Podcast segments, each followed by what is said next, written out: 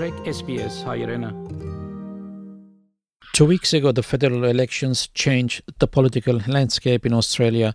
Our guest is Dr. Zareh Ghazarian, senior lecturer in politics and international relations at Monash University, to give his views on the election results. Dr. Zareh, welcome to SBS Armenian. Thanks so much for having me, Vahe. Dr. Zareh, in 2019, the polls predicted a win for Labor. However, the opposite happened. Uh, this time, the polls predicted correctly. Uh, what was different this time? That's right, Vahe. Uh, this time, the polls were correct, which gives us some um, greater faith in the accuracy of opinion polls. Um, last time, as you rightly pointed out in the introduction, they were way off. And traditionally in Australia, polls have been fairly accurate but 2019, they were um, really um, off uh, predicting what would happen. This time, they were correct, they were accurate, and they indicated that Labor was in that election winning position. Um, and at the latest result that I've seen, um, Labor's two party preferred vote was around 50 to 53% um, to the coalition's 48 47. So the opinion polls um, have been correct this time, which is good for us as um, election watchers moving into the future. Hmm. And uh, what went wrong with the Liberals? For the Liberals, it was a disastrous uh, election result. They went down from having 76 seats down to 58 seats. Um, the um, losses were across the country, especially in WA. But the Liberal Party also lost seats to the Greens in Queensland and also the Independents in Victoria and New South Wales.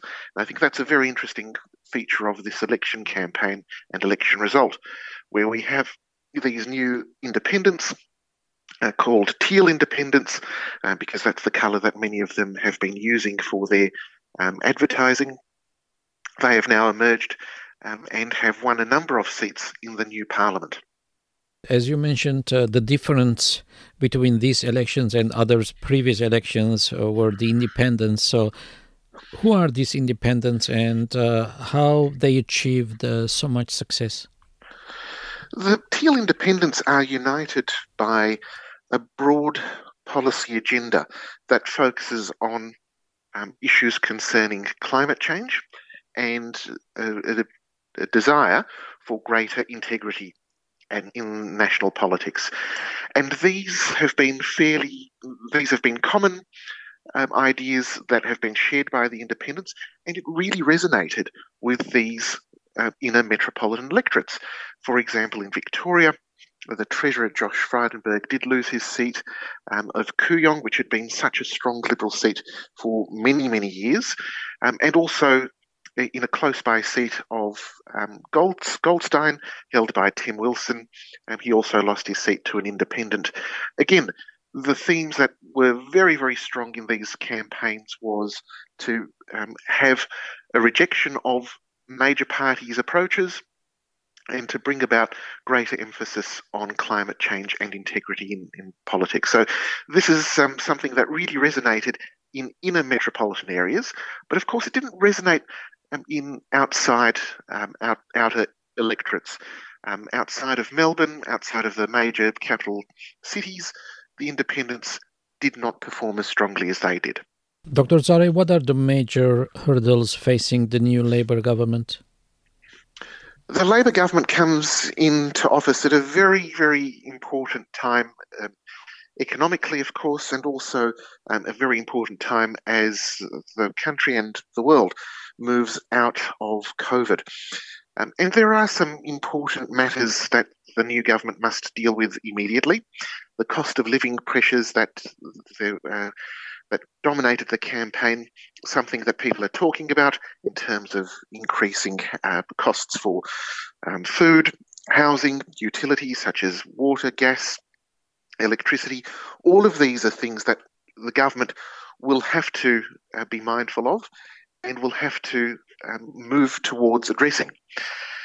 There will also, of course, be economic matters um, at the broader level, which is, which concern uh, inflation. Things have been going up. Um, uh, housing affordability is still an issue. how is the new government going to address these? Well, they've put forward policies during the election. Now the test will be can they implement them in government?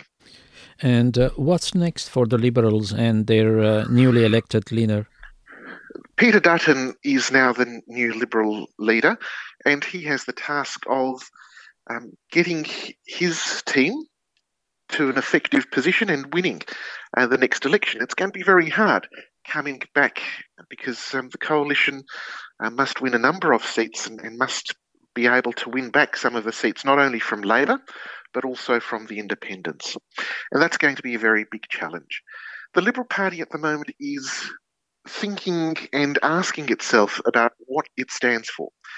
Is it a conservative party in that um, it, it, wants to be further to the right uh, of the political centre, or is it a, a, party that wants to be able to attract as many voters as it can by being flexible with its uh, policy agenda and um, including as many voices and as many different voices um, as it can?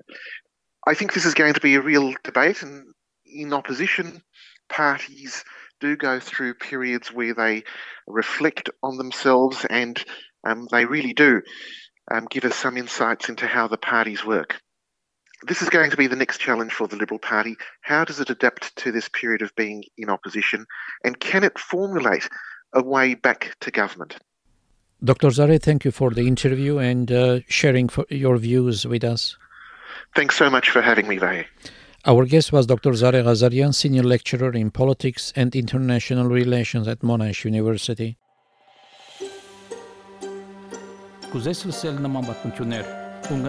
Apple Podcasti, Google Podcasti, Spotify-ի podcast